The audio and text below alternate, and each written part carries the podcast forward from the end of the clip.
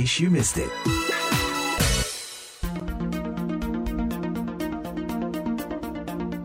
In case you missed it, awal Desember lalu, Perdana Menteri Selandia Baru Jacinda Ardern menyusul puluhan negara lainnya seperti Inggris dan Bangladesh mendeklarasikan darurat iklim.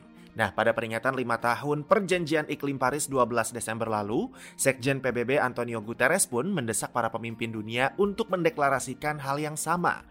Memang sudah sedarurat apa sih perubahan iklim ini? Nah untuk membahasnya kita bakal ngobrol dengan ekonom lingkungan sekaligus co-founder Think Policy Society, Andita Firselli Utami alias AFU. Ini di obrolannya.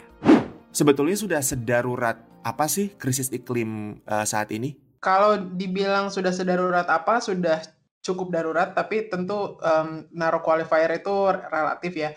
Um, cuma kalau bisa ditaruh dalam angka gitu, um, kan memang para ilmuwan itu mengestimasi um, kalau misalnya tanpa intervensi apa-apa suhu global rata-rata akan bisa naik sampai lebih dari 4 derajat Celcius gitu dan uh, dalam skenario itu kemungkinan memang uh, apa namanya banyak spesies sudah tidak akan bisa bertahan um, permukaan air laut naik sudah pasti dan dan berbagai bencana uh, yang terkait dengan alam ter terus juga krisis uh, pangan akan terjadi gitu.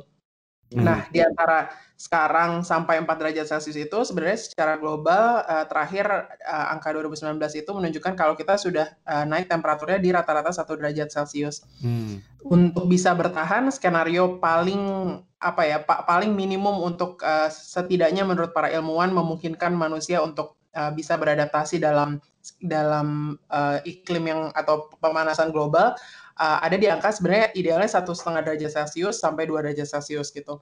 Sedangkan waktu kita untuk uh, bisa menahan di angka tersebut hanya tinggal 10 tahun lagi. Jadi 2030 itu adalah tenggat yang diberikan oleh uh, para saintis di mana by tahun 2030 itu kalau kita gagal menahan pemanasan uh, global di angka rata-rata uh, temperatur satu setengah derajat atau dua derajat Celcius maka uh, uh, kemungkinan itu akan menjadi awal mula dari kepunahan massal gitu ya, uh, kepunahan hmm. berbagai spesies gitu. Jadi uh, kalau untuk saya mungkin untuk banyak generasi muda yang um, di, bisa melihat dirinya di tahun 2030 itu di masih di usia produktif, malah uh, usia uh, apa namanya di mana kita uh, beraktivitas dan mungkin akan menjadi leader pada pada periode tersebut ya gitu. Tentu uh, apa yang terjadi di antara sekarang sampai 2030 itu sangat-sangat menentukan gitu what kind of future yang akan kita miliki um, uh, di tahun tersebut gitu.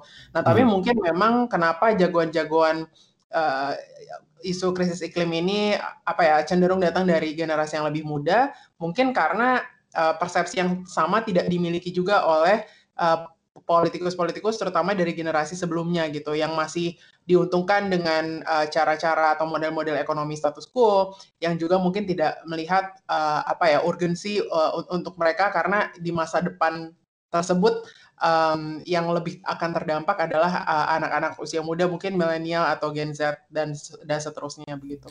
Dalam kurun 10 tahun ke depan karena tadi deadline yang dikasih saintis itu di tahun 2030 memang apakah itu sesuatu yang visible kalau dilihat dari komitmen berbagai uh, apa namanya pihak apalagi dari para uh, politikus karena mereka yang punya istilahnya kuasa untuk menentukan kebijakan ke depannya. Jadi komitmen negara-negara uh, tersebut terkandung dalam perjanjian Paris ya yang dituangkan dalam dokumen National Determined Contribution itu hmm kontribusi yang dijanjikan oleh masing-masing negara. Nah, para ilmuwan sudah mengakumulasi nih semua NDC yang disubmit oleh negara-negara dan melihat bahwa dalam level komitmen sekarang memang kita tidak akan mungkin bisa uh, capai mencapai target batasan satu setengah derajat Celcius itu gitu. Uh, dua derajat Celcius pun nggak bisa, apalagi satu setengah derajat.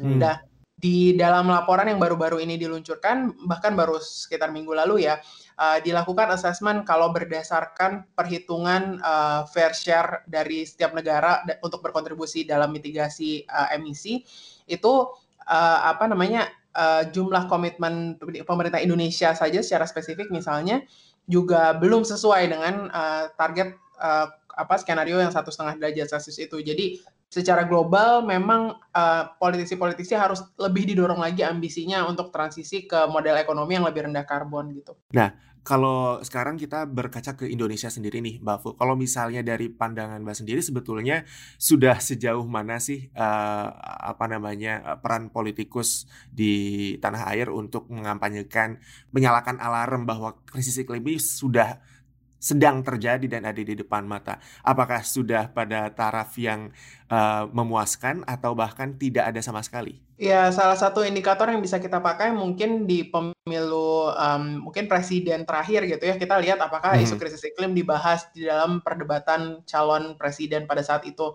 Atau mungkin kalau mau ditarik paralel, mungkin juga pilkada nggak tahu provinsi-provinsi besar gitu. Kalau ada perdebatan apakah diobrolin gitu. Dan pada umumnya hmm. um, kalau di debat presiden kalau nggak salah ingat itu baru debat kesekian mungkin debat keempat atau kelima dan itu pun uh, pembahasannya lebih ke arah uh, pengelolaan sumber daya alam tapi tidak secara spesifik ngomongin krisis iklim gitu jadi hmm. kayaknya um, tidak diskursus krisis iklim tidak mendapatkan spotlight uh, ataupun uh, tidak didorong urgensinya um, oleh para politisi nah tapi kalau mau dilihat lebih dekat memang um, peran poli, pol, peran politisi atau apa yang menjadi penting untuk politisi memang fungsi dari apa yang menjadi keresahan masyarakat gitu, apa yang mereka anggap bisa uh, membawa uh, konstituen untuk uh, memberi suaranya kepada mereka gitu kan.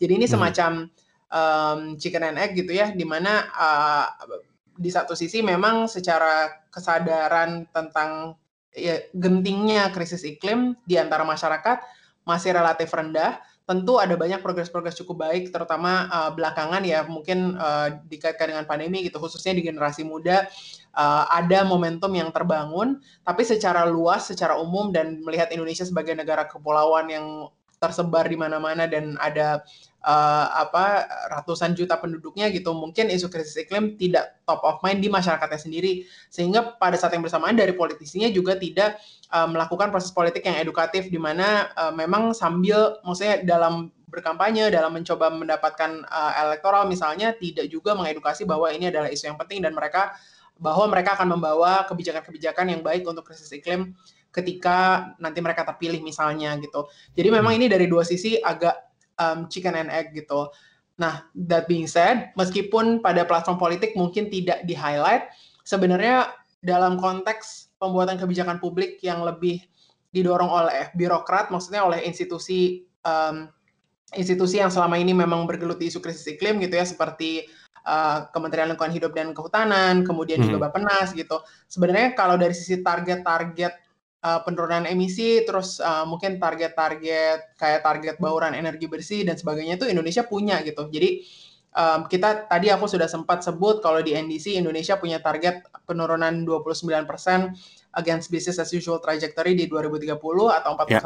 dengan bantuan internasional. Kita juga punya target bauran energi 23% by 2025 dan sebagainya. Jadi target-target ini ada, tapi memang akhirnya uh, inilah di mana policy dan politics harusnya lebih erat berhubungan gitu. Karena ketika polisinya dibuat tapi tidak uh, mendapat dukungan politik dalam arti bukan hal yang menjadi urgensi untuk masyarakat atau uh, untuk politisi gitu akhirnya belum tentu ada apa ya political leadershipnya untuk menjadikan ini kenyataan gitu. Karena target-target saja kalau tidak konsisten dengan jenis undang-undang yang dikeluarkan atau tidak konsisten dengan turunan-turunan kebijakannya jadi hanya sekedar um, target saja gitu, tidak menjadi uh, uh, perubahan yang nyata. Sebetulnya selain peran uh, politikus, apakah ada peran lain dari pihak luar yang punya uh, apa namanya kontribusi yang mungkin bisa mengubah trajektori yang sekarang sedang kita jalani? Ya, sebenarnya peran aktor-aktor lain tentu sangat penting ya. Tadi kalau mau berkaca dari Greta Thunberg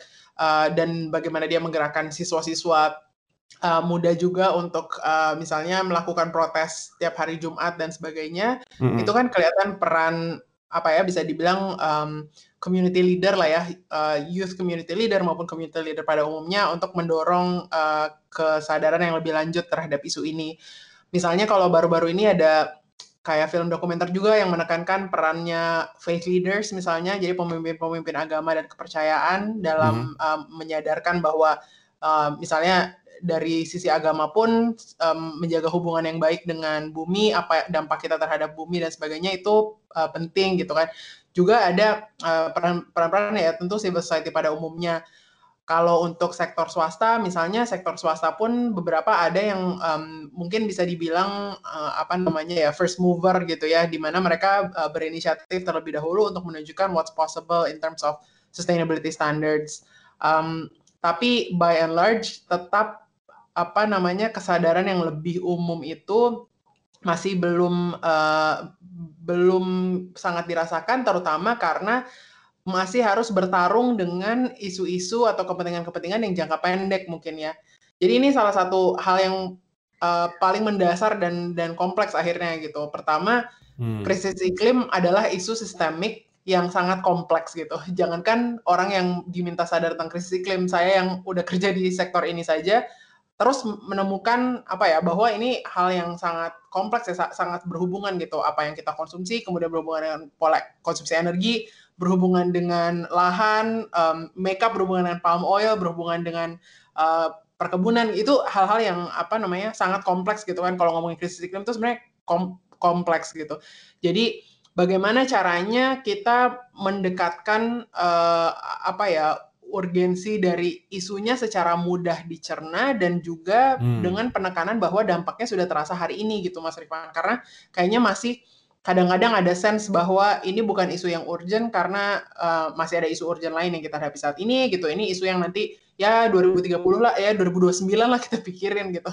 Uh, padahal kan sebenarnya trajektorinya sudah ditentukan dari sekarang gitu. Dan yang kedua, jadi di Indonesia jangankan isu krisis iklim, isu-isu penting lainnya pun secara umum kebijakan publik belum dibuat sesuai dengan uh, pendekatan saintifik gitu ya atau uh, kultur saintifik yang yang berbasis data, berbasis sains gitu.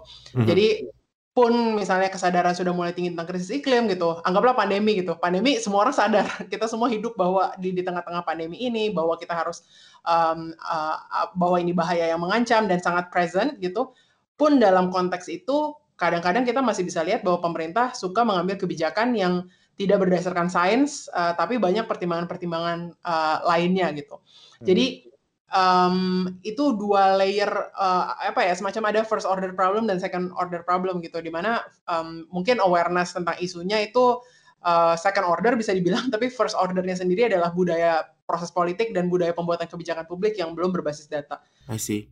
Nah, kira-kira kalau misalnya dalam 10 tahun ke depan pemerintahan Indonesia tidak uh, Misalnya pemerintah sih sebetulnya juga legislatifnya tidak melakukan langkah apa pun untuk mengambil kebijakan yang lebih uh, apa ya agresif untuk menangani krisis iklim.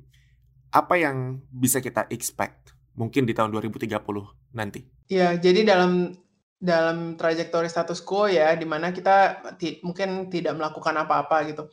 Um, kalau selama ini sebenarnya skenario-skenario yang disampaikan oleh ilmuwan itu memang skalanya global gitu ya. Jadi tentu ada turunan trajektori untuk Indonesia gitu ya. Beberapa di antaranya uh, tentu karena Indonesia negara kepulauan, ada sekitar 42 juta orang yang tinggal di wilayah pesisir, di kota-kota di pinggir pantai, di daerah rural pinggir pantai, mm. yang berisiko terdampak uh, uh, sea level rise gitu, kenaikan permukaan laut.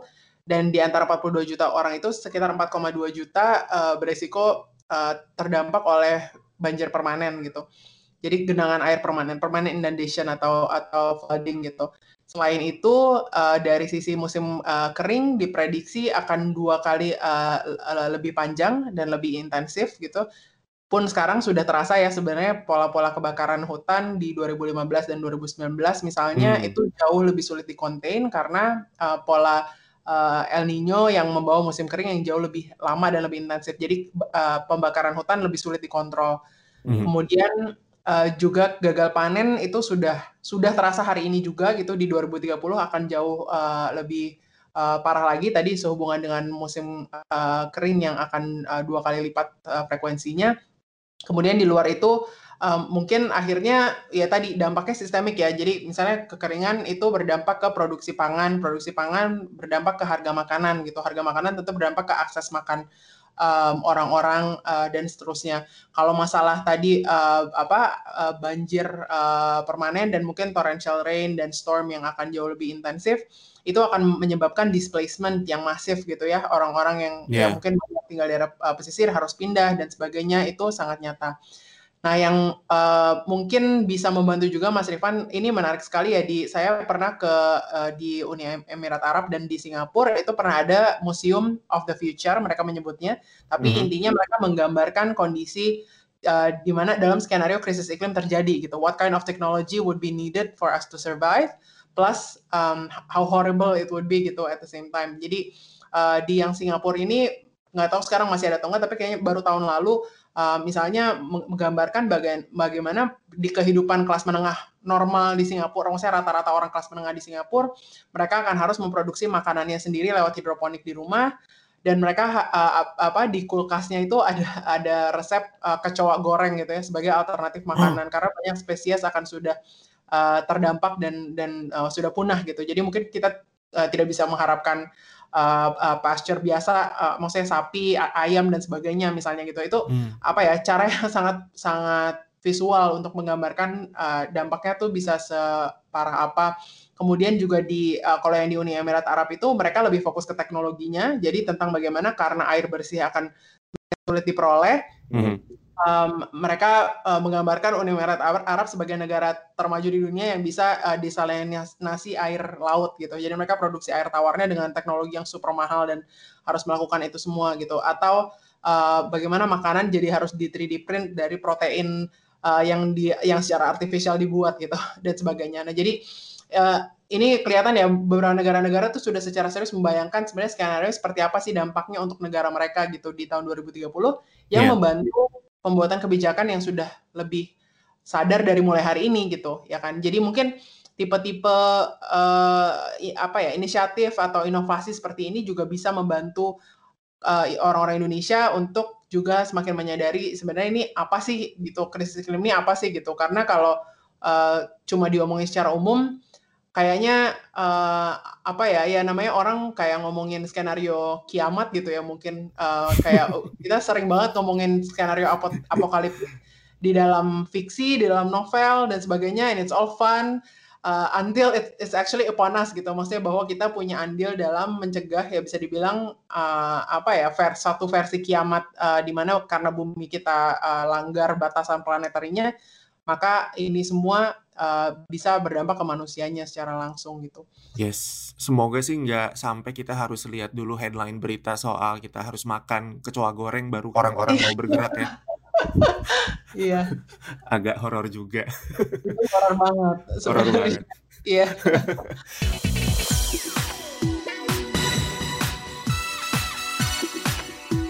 In case you missed it.